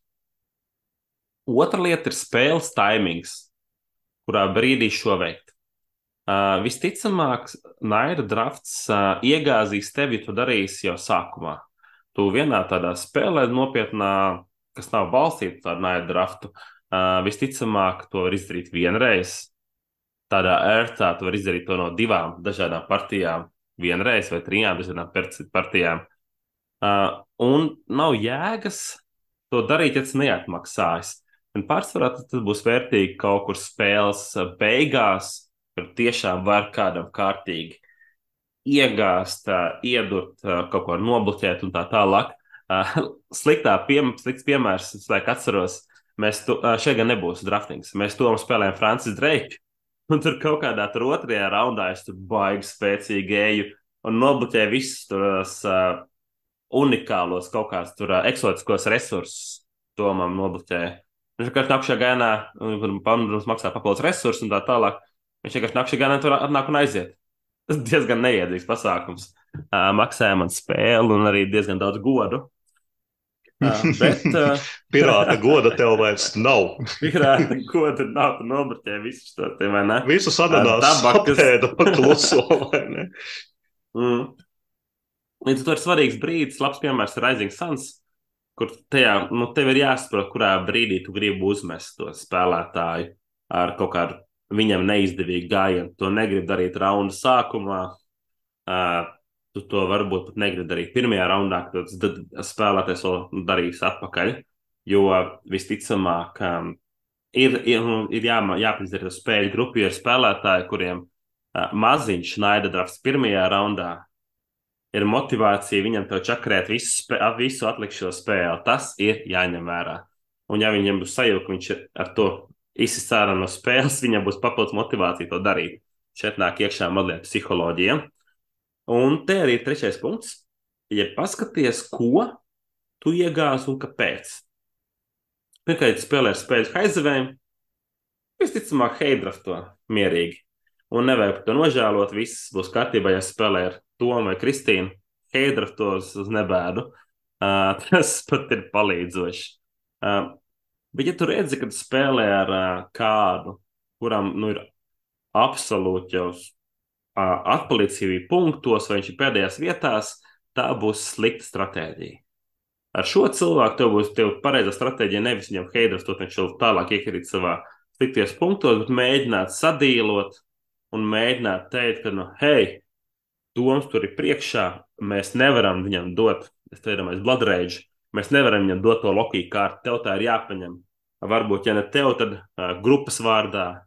Tur ir jāliek cita stratēģija ja tu, ja tu heidraf to par otro vietu, tad, protams, tas ir vērtīgi. Nu, lūk, tā nu kopumā, nedaudz par stratēģiju, par spēles dinamiku, es iesaku heidraftot, arī bloķēt citas spēlētājs. Manuprāt, tas, tas padara daudz spēles dzīvāks, interesantāks, un tur rodās tādi momenti, ko var atcerēties. Un, uh, pieminēt atmiņā, ka bācis man tajā spēlē izdarīja šitā un šitā. Rekuris Francis Dreiks neatceros, kādas tās salas bija pārējās pīķis, bet atceros, nobloķēja bezjēgā tos lauciņus pēc cik pirms pieciem gadiem un tā tālāk. Tā kā tā ir forša lieta un uh, jāpadomā vienkārši tas momentums, kurā brīdī tu gribi mainīt koalīciju un kurā brīdī tu gribi saglabāt valdību, vai ne? Tā kā jā, Naida drafts. Un kurā brīdī tu sajūties tik varants, ka tu izdomā, ka vai es naida draftošu visus un beigās izmetīšu no mājām ārā un uzvarēšu partiju. ja mēs runājam par koalīcijām un partijām. Jā, jā, jā. jā, jā. Es parasti Ļoti labi, ļoti labi punkti man patika. Un, un, un tiešām pamācoši es sēžu un klausos, kā skolnieks skolas solā. Eh, es parasti neaizraujos. Es parasti neaizraujos vispār ar eh, naida draftu, jo es, es ticu punktiem un, un, un eh, es ticu saviem punktiem. Pirmkārt, tikai pēc tam citu cilvēku punktiem. Un man vienmēr tā galvenā doma ir pirmkārt un galvenokārt domāju tikai par to, kā attīstīt savu dzinēju vai gūt vairāk punktus, un tikai pēc tam par pārējiem. Bet ir situācijas, un es arī padomāju, tad viens, protams, ka ir Kristapa jau pieminētais klasiskais Seven Wonders un brīnuma būvēšana. Agrāk vai vēlāk spēles laikā tu nonāc pie tā punkta, kurā tu pabāzīsi to aizklāto kartiņu zem sava brīnuma.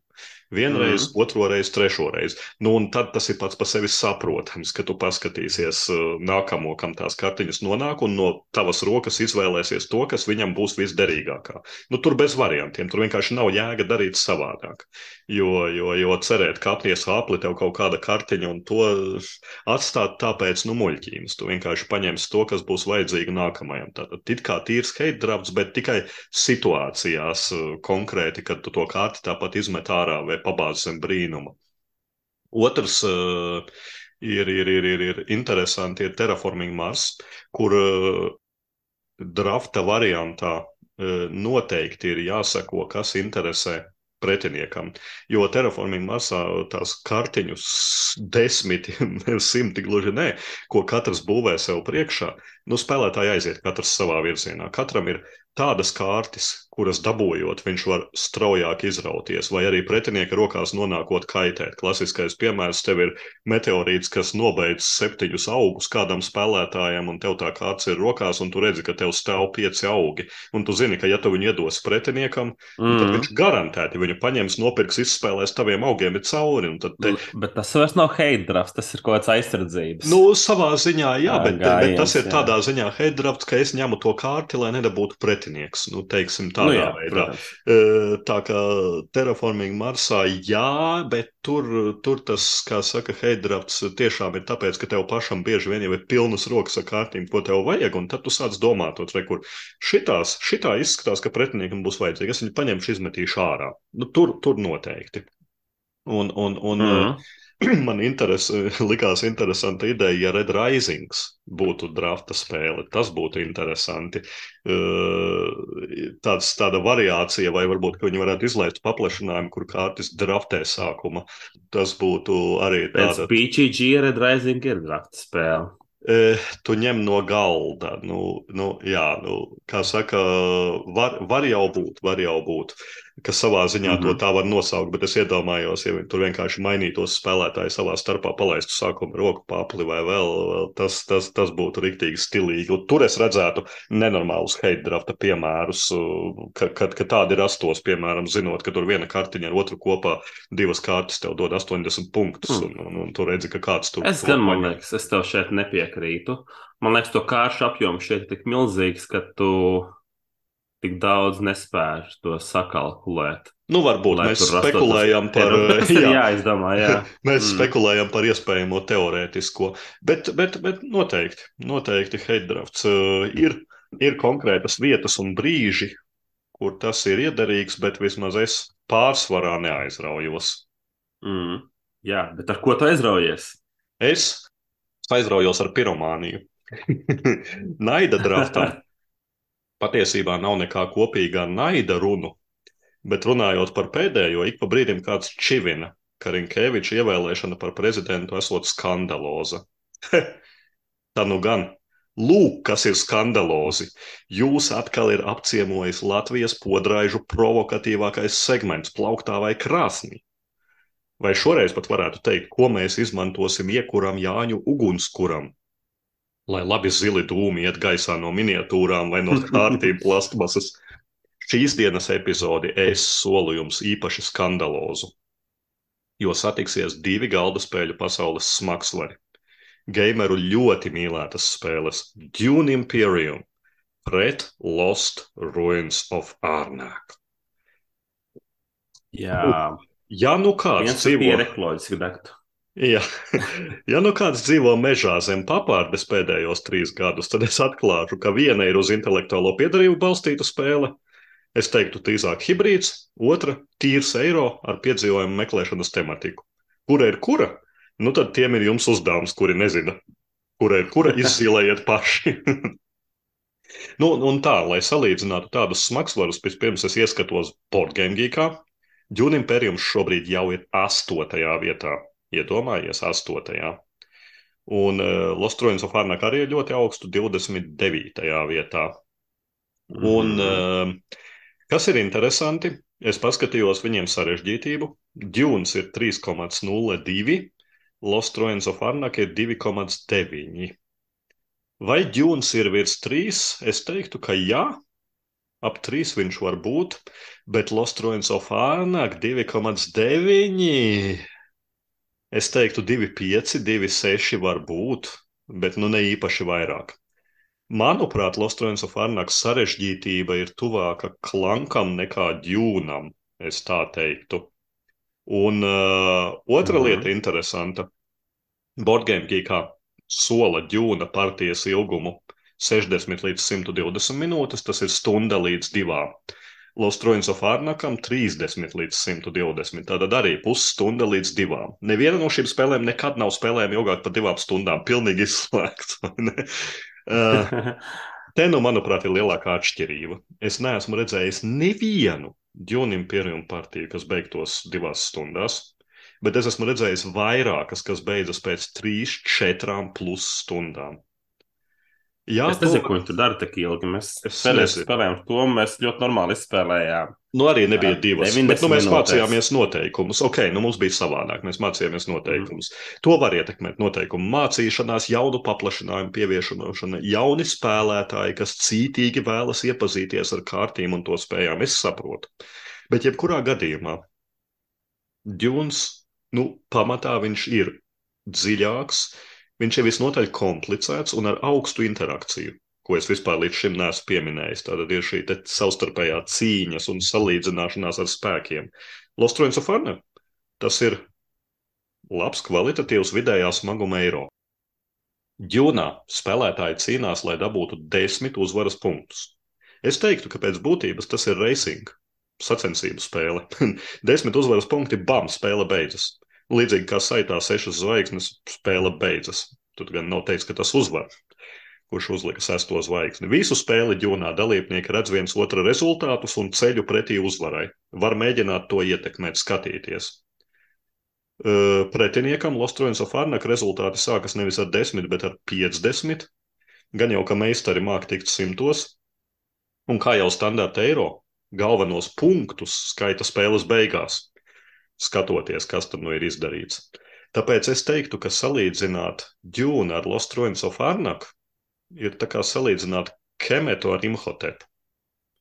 Mm. Jā, abos var būvēt piramīdu, un abos ir upe.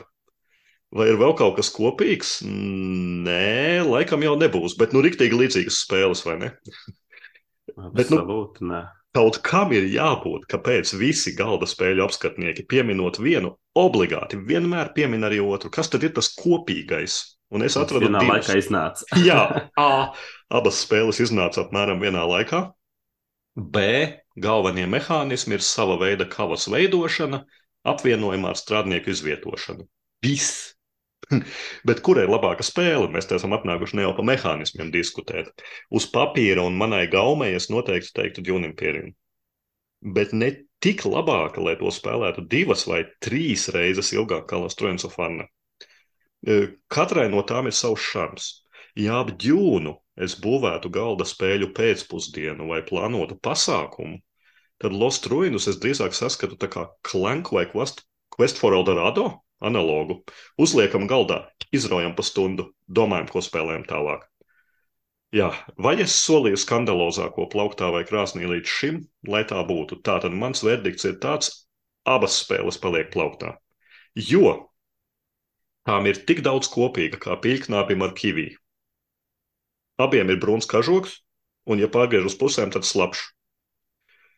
Pilknāba Kivija arguments ir tik spēcīgs, ka es neredzu vajadzību nekad atgriezties pie diskusijas, kāpēc būtu jāsalīdzina Lost Ruins of Arnak ar Dune Imperium. Pilnīgi atšķirīgas spēles, tāpēc abām ir vieta plauktā. Tālūk, kreisais tokens ir runājis. Absolūti neinteresanti.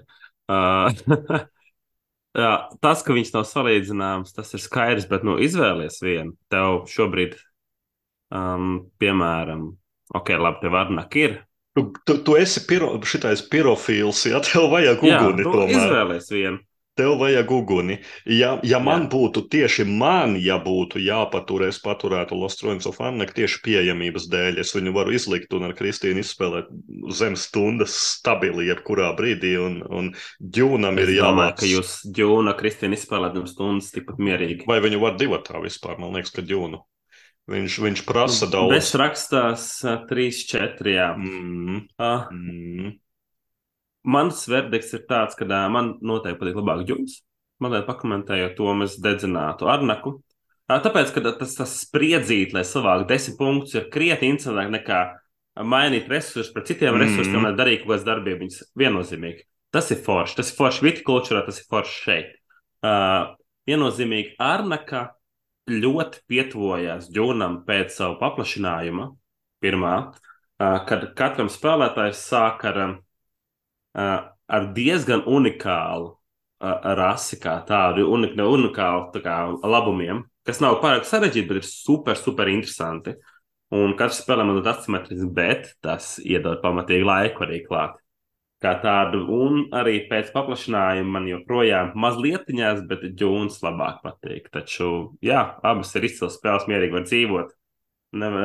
Šitais ir nonsens saruna, kad, kas ir ilgus, nenormāli ilgi, viņš tiek salīdzināts savā starpā bez nekāda pamatojuma. Un pēdējais loģiskais noslēgums mūsu šīs dienas epizodei ir skaidrs, ka ieradies ir kreisais top 5 padot tālāk, pievāc sev. Tāds mums šoreiz ir nosaukums, un pavisam saprotams, ka, ja jau mēs tik daudz esam runājuši par draftu, tad tās ir drafta spēles, un man patika, ka Kristaps jau savā negatīvā naida drafta segmentā pastāstīja, kādi drafta veidi pastāv. Atvērtais drafts, slēgtais drafts un darbību drafts, kas kādreiz man šķiet, ka saucās uh, action selection iespējams.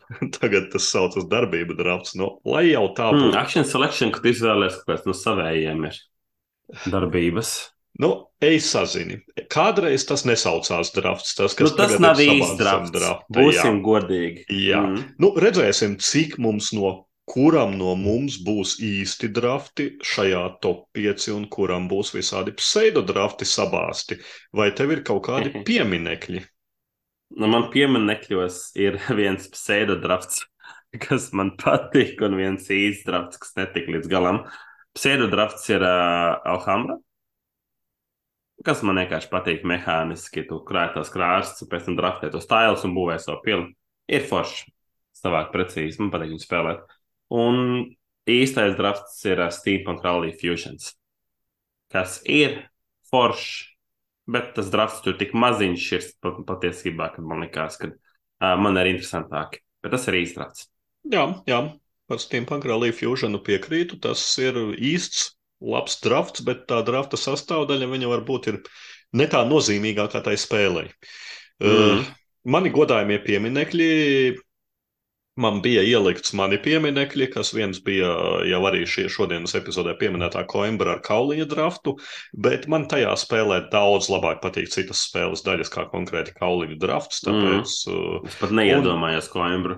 Ja tur ir rīktīgs kauliņu drafts, tur jau tas joks. Ir, ir, ir, jo es sarakstīju veselu čupas. Un, un, uh, un, un arī šodien jau pieminētais Terraforming Mars, bet tur drafts nav pat spēles noteikumos, tur tas ir kā variants. Bet, nu, protams, ka tur drafts ir pilnīgi obligāts Marss. Un es teiktu, ka visām korporācijām pirms doties uz Marsu ir jāparaksta līgums ar asinīm, ka visus valdības grantus, visus atrastos resursus, visu uz Marsa viņi draftēs.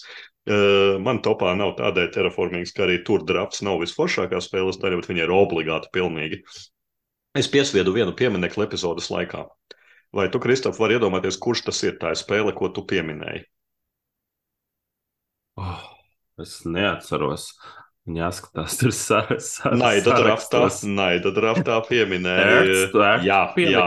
Es, eh, es mhm. nebiju jā, padomājis eh, par ērsu šādā kontekstā, bet uh, tur man likās ļoti simpātiski ērsā ir tas, ka, uh, ka draftā uh, nu, sanāk, ka citi dabūs vismaz kaut ko. Nu, nu, tas tas uh -huh. ir tas mhm. pozitīvais, ka nav tāds absolūts iegāziens, pilnīgākais. Bet, bet, bet uh, tu vari gan tiešām paskatīties ap galdu bieži vien un izvēlēties, kas ir tās darbības, kas tev dos visvairāk. Tā kā jā, pie godājumiem pieminekļiem noteikti pievienoja papildus arī ērsu. Nu, ķeramies pie topiem. Kas ir tavs pieci? Man piektajā vietā ir izpieminēta šodienas spēle, kur uh, Toms varēs uzreiz jau šaut pa mani, ka tas nav drafts, bet es uzskatu, ka tas spēle ir tikai drafts, uh, un tas ir Red Risings. Mm -hmm. uh, būsim godīgi, Red Risings ir super vājš visās pārējās lietās, gan lidošanā, gan par akadēmijas vākšanā, gan vispārējais. Tur plus mīnus ir līdzīgi punkti visiem spēlētājiem. Tas ir liekas super interesanti, bet tas ir patiesībā maznozīmīgi. Uh, bet tas, kas tajā spēlē ir, par ko tā spēle ir, par to, ka tu savāc savu ideālo 7, 8 kāršu, kā es neatceros, cik daudz, un uh, ir vesela čupa kāršu, ko tu redzi laukuma vidū. Un tu gribi pie viņām tikt, lai tu uzdraftētu to savu lielo kāršu kautu. Tā kā līdzīgi kā uh, hokeja komanda grib uzdraftēt to savu perfekto komandu, kur ir labi aizsargi, labi uzbrucēt, ka šeit viņas ir tās ko, ko, komandas un miedarbības. Un tas varbūt ne katrs mehānisms šeit ir drafts, bet tāpat ideja uh, patiesībā ir spēja drafts. Tu sāc ar vienām septiņām kārtiem, tu beidz ar citām septiņām kārtiem, kas ir potenciāli labākas. Un, uh, tā rokas veidošana, man liekas, ļoti, ļoti forša spēlē. Tas ir arī, um, jā, nu, tas ir arī tāpēc, ka es viņu ieliku piektajā vietā. Nu, nu, nu, nu, nu. Protams, te mēs sakām, mehānismu kokteļi mūsdienās tiek veidoti visādi, cik tas ir drafts, jo cik tas ir tā saucamais hand management un set collection, un cik tas ir tieši drafts. Uh, Jā, viss tas jau redz tās kārtas, kas ir. Tu redzi tās, kas ir uz galda, bet tas, bet tas foršais jau ir rokā tā veidošana. Nu jā, bet ok, es, Es pilnīgi piekrītu tavam lēmumam. Es vienīgais nesaprotu, kurās Red Rising partijās tu esi piedalījies, kur tu gribi kaut ko no tā, kas ir uz galda. Jo praktiski visās partijās, ko esmu piedalījies, es pastos uz galda un redzu, man nevajag neko no turienes. Viss ir pilnīgi stūts un ir jāņem aizklātie. Tā kā vai nu tev ir super veiksmīgas partijas, ne, nu, vai arī. Pārsvarā viņš ir sūds, bet tev atnāk tā viena kārta, nu, jā, parādās, nu, jā. un ko tev vajag. Viņš ir tāds momentums. Ir, ir, tā, ir. tā, gan, tā gan tur uh, mēdz notikt. Red Risings. Laba, laba izvēle. Es piektajā vietā izvēlējos tādu mazāk zināmu cilvēkiem spēli, uh mhm. -huh. kas ir Grīd no Donalda Vakarino. Vislabāk pazīstama kā Dominiona mm. autora. Nav viņa populārākā spēle. Tematiski tā ir spēle par gangsteriem, kas mēģina saraust sev kabatās pēc iespējas vairāk naudas. Man liekas, tas ļoti gangster thing to do. Ja? Man mm. piektajā vietā ir tikai tāpēc, ka es esmu spēlējis vienu reizi un sen. Tāpēc man nav spilgta atmiņā. Bet kas grīdā bija foršs, ir tas, ka katrai kārtī ir unikāla spēja. Un tiešām unikāla. Tādējādi ir kaudzēm kombinācija, kam to var uzdurties spēles laikā. Un vēl kas ir, ka spēlē ir, katrs spēlētājs nodraftē tikai 12 kārtas, tad viss notiek ātri. Uh, daudz kombināciju un ir vieta manevriem, jo spēlētāji var pataupīt kārti vēlākai izspēlēšanai. Tātad nevis uzreiz notraftē un izspēlē, bet ir iespēja iemahinēt vēlākai izspēlēšanai, kas arī dod uh, daudz dažādas kombināciju iespējas. Un gangsteru tematika nemaz nav tik bieža. E, spēles grafiskais noformējums ir nu, Es teiktu, es teiktu, ka stilīgs man tīri labi patīk, tāpēc uh, man šķiet, es pat nezinu, kāpēc viņa ir diezgan nepelnīti pilnībā aizmirsta spēle no Donalda Vakarino Grīda. Jā. Man liekas, es spēlēju te vienīgo partiju kopā ar Tomu. Es atceros, kā man patika, bet es neatceros neko daudz vairāk. Nu, re, atceries, ka patika. Tas jau ir labs jā. solis uz priekšu. Lūdzu, mūsu draugu klausieties, paņemiet kādreiz grīdu, vajag uzspēlēt vēlreiz. Saņemās, jā. lūdzu. Ok, uh, bet izskatās, ka uh, mēs ar to esam uz konsensus, ka drafts ir tā mehān, mehānisms, kur uh, lielie dizaina grandi kādā brīdī nonāk un uzdizainē spēles, ko visi aizmirst un nepiemin. Tāda man ir ceturtā vieta, kas ir ļoti līdzīga grīdam. Un tas ir Garfields Richards, kas ir dizainējis spēlē Carnival of Monsters. Nē, nē, nē, nē, nē okay. tā spēlē zaķis. Carnival of Monsters. Uh, un ir ļoti, ir ļoti līdzīgs drafts kā uh, Seven Wonderos. Jo atnāk kārtas, izvēlēs monstru, bet ar interesantiem elementiem, ja tur ja nodraftēt zemju kārtas, kur tu liec, piemēram, mēžus un uh, kaut kādus purvus un tā tālāk, un ūdeņus. Un pēc tam tu draftē arī tos monstrus, kas prasa, ah, ja es gribu uzlikt šo monstru raundā, man būs vajadzīgs trīs ūdeņus savākt. Un tā tālāk, kas ir zemes kārtas, paliek monstru kārtas, iet projām uh, un darbojas. Un tur uh, menedžē divus resursus. Vienu, kas ir uh, ilgtermiņa pastāvošie, kas no doto to venžinu, un otrs, kas ir uh, monstrs, kas dod punktus. Tur vēl kaut kas tur bija. Uh, kārtas, deva kādus mazus labumus un tā tālāk. Uh, man sanāca uzspēlēt arī vienu reizi, man liekas, šogad. Un bija patīkams pārsteigums, neko negaidīju. Patiesībā bija ļoti, ļoti forša spēle. Un, uh, noteikti iesaku arī, ja ir iespēja neatteikties, pamēģināt. Tur ir interesanti elementi. Gan ar mazliet pušu laku, gan ar to, ko tu dod pretiniekam. Ļoti smuki redz, kā viņam zemes te var labi heidraftot. Tā kā, jā, Carnival Monsters 4. vieta. Patiesībā interesanti. Garfieldam laikam patīk, jo nu, nevēlties pieminēja Bunny Kingdom. Bunny Kingdoms nav manā listē, bet uh, tieši drafta daļa Bunny Kingdomā man patika ļoti. Man nepatika tas ABCD stulbais galds ar nenormālo daudzumu trušu. bet kārša draftēšana Bunny Kingdomā ir forša. Tā kā es nešaubos, ka Garfields ir arī Carnival of Monsters mācējis tieši to draftu mm. noslīpēt bez trušiem, bet ar monstriem. Nu, izņemot to, ka truši arī ir monstri, īpaši tie, kas ir Baltijā, Baltijā ar sarkanajām acīm. Viņi naktī iet yeah. un citiem trušiem sūdz asinis. Bet uh, vieta, kur neviens dienam nesūdz asinis, ir uh, sushi bārs, un uh, man ceturtajā vietā ir tīrs klasisks drafts ar kāršu kombināciju veidošanu punktu iegūšanai sushi go party. Pilnīgi nekā lieka. Tas ir līdzīgi kā es saku par Starrauns un kavas veidošanu, jeb deckbuilding. Ka mēs izvelkam to absolūto esenci no mehānisma un iedodam spēlētājiem uh, relatīvi kompaktu, mākslinieciski stilīgu un aizraujošu. Patiesībā pie jebkura spēlētāja skaita.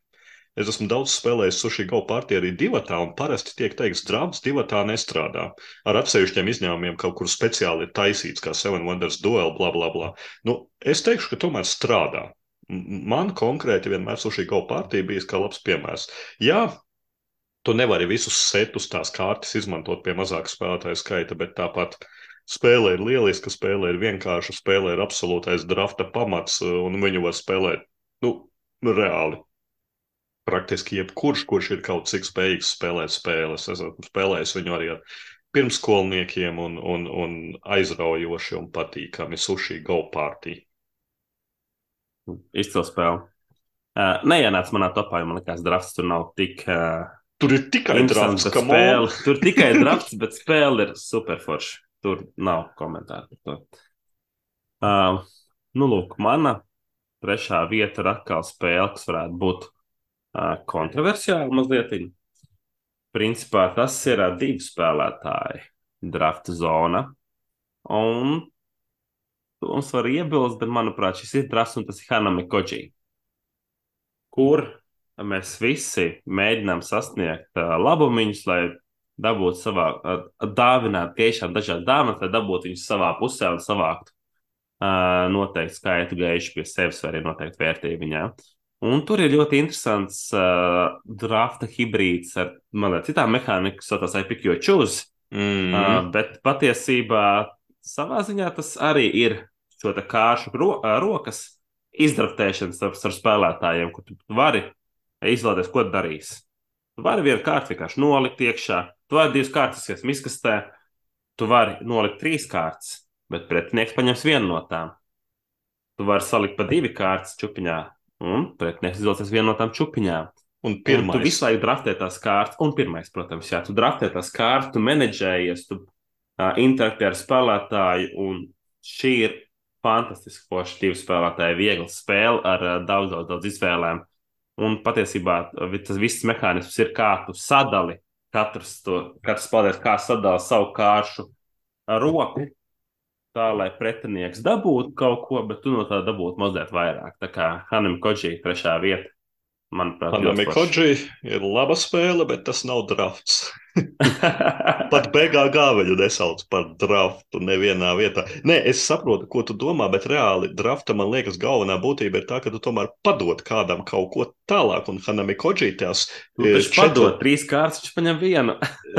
Nu, tas, jā, bet tu padod tās kārtas, bet tas galvenās sāls jau ir tās, tās darbības, kas tev ir uz tām četrām kārtīm. No tām tu izvēlies. Ok, labi, jā, tur ir, tur, tur ir kaut kādā formātā, tur ir drafts, un, nu. un, un mums ir vajadzīgs, jā, jā, jā mums ir vajadzīgs Man... viens. Mani var sist par Hanifāģu izvēlēšanos. Es nebēdāšos par Mums to. Mums ir vajadzīgs viens ar kontroversiālām izvēlēm, lai, lai, lai tiktu attaisnotas manas superstandarta izvēles, jo es esmu. Es esmu. Paskatījās, top 100. Klasiķis, jā, es eju pie Aiziet. tā, ka man patīk tīras lietas. Draftam ir jābūt tīram, draftam nevis kaut kādam šmurdzīgam mehānismu kokteilim. Man trešajā vietā ir uh, It's a Wonderful World. Ļoti populāra drafta spēle ar dažādiem kāršu tipiem, iespējamām kombinācijām un veidiem, kā tu vari attīstīt ekonomiku un iegūt punktus. Patiesībā It's a Wonderful World varētu būt arī augstāk man kā trešā vieta, bet vēl labāk par draftu man tā spēlē patīk kāršu kombinēšana, lai pēc tam, pēc drafta, panāktu optimālu ražošanas ķēdi. Bet tas viss sākas ar mm -hmm. draftu. Jo tu nodraftē, pēc tam tās kartes tev ir jāuzbūvē, pareizās kartes jānodot par resursiem un tādā garā. Pēc tam tas zinējs, kas tev sāk griezties, tas ir It's a Wonderful World. Man vismaz tā ir tā sāls.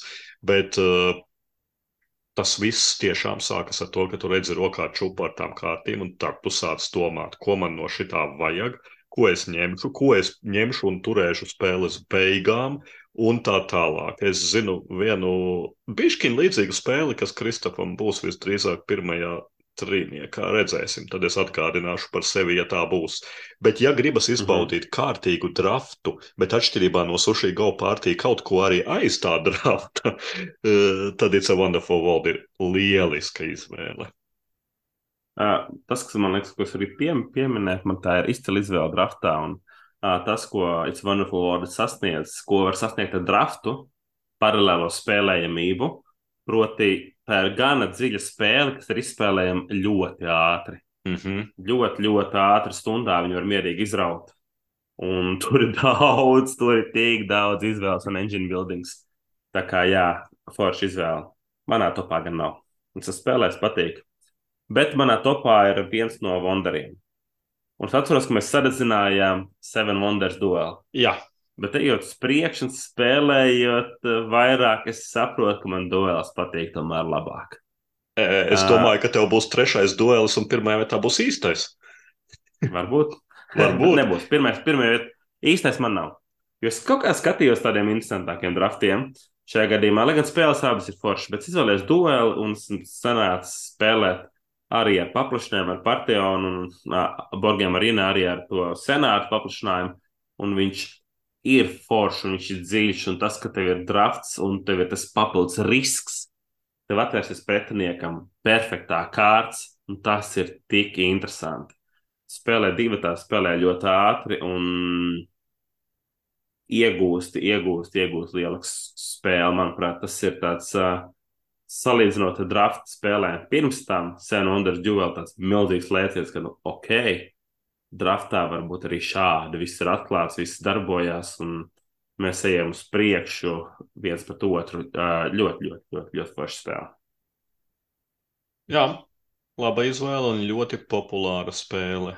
Mm. Um, mans divi. Varbūt kādam būs negaidīta izvēle, bet mans divi ir citadelis. Un citadelis varētu uzskatīt arī, es teiktu, par tādu lomu izvēles mehānismu implementāciju. Bet, ja BGG pie drafta ir El Grande, Puerto Rico, Jāmatais un visādas spēles, kur spēlētāji izvēlas no uz galda pieejamajām darbībām, tad citadelis, kur tu reāli dod ap galdu kartiņas, tad tas ir desmitreiz vairāk drafts. Uh, Man nevienā citā drafta spēlē izvēles nav tik smagas kā citadelēs. jā, sushi go, tu paņemsi kaut ko un varbūt dabūsi mazāk punktus. Principā viss ir labs. Nu, izņemot, ja tu noriskē un ēd tofu vai ēlu zuti, ko nevajadzētu nevienam darīt. Uh, it's a wonderful world. Tu paņemsi kārti, ko tev nevajag izsviedīt par resursiem, sūdz par to. Citadelēs tu paņemsi nepareizo lomu. Tas var būt kritiski. Tu vari zaudēt visu savu uzkrāto naudu, tu vari pazaudēt tavu gājienu, vai arī tieši otrādi tev var uzdoties uztaisīt mega gājienu, uzbūvēt kaut kādu milzīgu ēku, atrauties no citiem spēlētājiem. Un kas vēl ir fascinējoši, ka informācija par pieejamajām opcijām ir tieši tik ierobežota, cik nepieciešams, neatkarīgi, cik daudz ir spēlētāju un kurš tur rindā esi. Ja tev pienāk kā pēdējam kartiņas, tad tu vienīgais zini, kuru no tām tu paturēsi, kuru tu paslēpsi. E, ja tu pirmais dabū kartiņas, jā, nu tad tu atkal zini, ko tu padosi tālāk, un, un, un spēlētājs pa vidu viņš jau redz, kuras lomas pietrūkst, viņš zina, kādas viņš pados tālāk. Nu, ir neliela daļa nezināmās informācijas, bet tu vari prognozēt, ko izvēlēsies pārējie spēlētāji. Un lai arī tur ir daudzi mīnusi un spēlē jūtums, ir vecums, uh, ka tiešām tur var izslēgt spēlētāju netīšām no spēles uz ilgu laiku. Bet tāpat drafta ziņā, ja jau mēs saucam to par draftu, tad tas ir meistardarbs no Bruno Faiduti jau kopš 2000. gada citadeles. Wow, tik fun. Sana, vienīgais, ko es varu pieminēt, ir pačīkstēt par to, ka Toms pēdējā laikā man ir izjaucis entās citadeļu partiju potenciālās, kuras saka, ok, uzspēlējam citadeles, Viņi saka, nē, nav pareizais spēlētājs skaits. Jā, Citadelē ir tā problēma, ka pareizais spēlētājs skaits, manuprāt, ir četri līdz pieci spēlētāji. Tas tā. Četri spēlētāji, visi izdzērs uz vienu aliņu, un tā tālāk. Jā, tad aiziet. Tad ar nobumbī. Jā. Okay. Um, jā, man pirmā vieta ir, es pieņemu, ka to jau, to, ja to, to, to paredzējis, jo es paredzams cilvēks. Man pirmā vieta ir seasons. Jā. Absolūti paredzama, bet tas ir spēle, kur ir gan slēptais drafts. Kur spēles sākumā katram ir kārts, tu izvēlēsies vienu, tā līdz tu saņem deviņas kārtas. Un tas ir viss. Šī brīdī uzbūvēja visu spēles savu pamatstratēģiju. Tās kārtas sadalīja pa trim kavām, pirmajam, otrajam, trešajam gadam izdraftē. Un tad drafts nāk vēl katru raundu izvēloties kaulus, kas ir super svarīgi, jo kaulos resursu pirms nav kārtīm. Kaulos ir vispār cik kārtas var uzbūvēt, ir iespēja tās kārtas mainīt pret punktiem un tā tālāk. Tu draftē, draftē, draftē, draftē, draftē, draftē, darbo, draftē un tam visam klāt nāk tās tavu kāršu spējas, ko tas sasetapojas sākumā, kā savu spēles stratēģiju. Absolūti izcila spēle. Man ļoti, ļoti, ļoti, ļoti patīk. Un Sanāk maz paspēlēt, agrāk spēlēt ļoti daudz, bet uh, viņi dzīvo kolekcijā, neko nedomā doties. Un es ceru, ka uh, pa laikam sanāks izlūkt ārā. Tā kā jā, seasons, manuprāt, pelnīt pirmā vieta man. Seasons ir teicama izvēle tieši ar tiem diviem draftiem, kas ir iekšā. Nemaz tik daudz nav tādu, kur, kur tu ieliec iekšā gan šīs kartiņas, gan kauliņus. Uh, izvēlēties. Bet uh, viena lieta, kas man sīdzoniem liekas, tomēr mīnus, ir tas, ka nu, tev ir divas, trīs partijas jābūt izspēlējušam tieši šīs sākuma stratēģijas, nu, kartiņu izvēles ziņā. Jo tik cik man ir sanācis spēlēt, tu tur sākumā sēdi kā auns blends uz visām savām kartiņām, kamēr citi spēlētāji ir nolikuši, šitā man būs spēles beigām, šī man būs tur rudenim, šī man būs vasarai, bla, bla, bla. Un tu domā, what, what? Tā kā seasons ir, kā saka, nevajag viņu atmest pēc pirmās reizes iespējams, ka tur vajag pāris partijas, un tad tu jau saproti to plūdumu un visu. Um, vai tu gribi minēt manu pirmo vietu? Tev ir nav grūti uzmanēt. Nu, redzēs, arī varbūt esmu prognozējams. Es esmu, es esmu klasiķis. Es esmu klasiķis. Es ņemu acīm redzamo, loģisko un joprojām vislabāko Seven Wonders. Var meklēt, var meklēt, kur piekasīties pirmajai megapopulārai drafta spēlē. Būsim reāli. Citadelis, kā, vēl pirms diviem gadiem Citadelis neviens nesauc par draftu.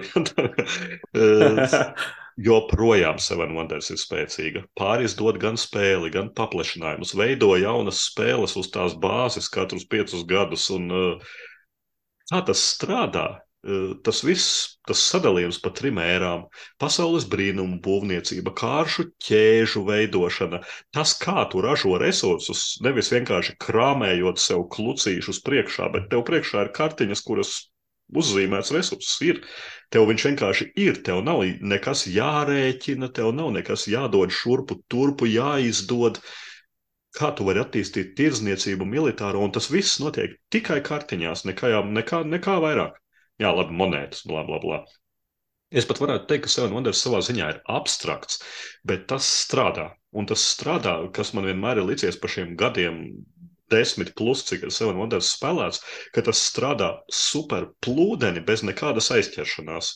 Tu vienkārši dabūji ķepā kārtas, paņēmi, padevi tālāk. Un spēle pati nodrošina, ka tu pamazām kļūsti stiprāks. Tu vari iegādāties spēcīgākas kārtas un nonākt līdz tam, lai beigās ar gandarījumu vai ar lielu skrobi ja, saskaitīt iegūtos punktus. Joprojām perfekti. Draftā neviens nevar to pārsist. Tas ir Seven Wonders. Jā, forši, vai tas arī Bet var rekomendēt arī kādu no daudziem paplašinājumiem. Es neesmu spēlējis nevienu no daudziem paplašinājumiem, un es reāli gribu. Pat ne līderus. Es gribētu visvairāk līderus, uh, Sitijus, Bābelu.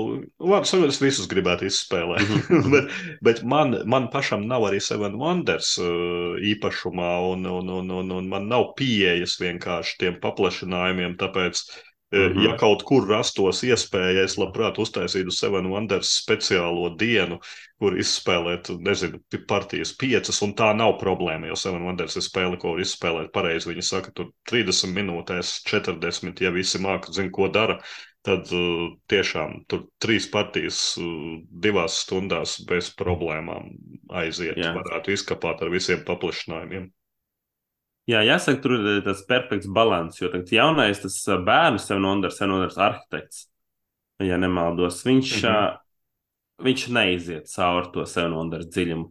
Viņš forši, forši, uh, feini paspēlēts, man sanāca uzspēlēt, bet viņš netur līdzi uh, no, oriģināliem joprojām. Tā kā Manuprāt, nu, es saku, man arī duelis netur līdzi. Mm. Nu, kā saka, nobeidzām uz absolūto klasiku un uh, priecīgus novēlēsim visiem Jāņus, kas klausās pirms Jāņiem. Un tiem, kas klausās Pārējiem pēc nākošā gada Jāņus. Pārējiem nākošā gada Jāņus. Uh, es domāju, ka padod un padod tālāk pievāc sev ar tādu moto arī beidzam uz drafta nots, vai ne? Tieši tā. Labi, Jūlijā. Tā, tā.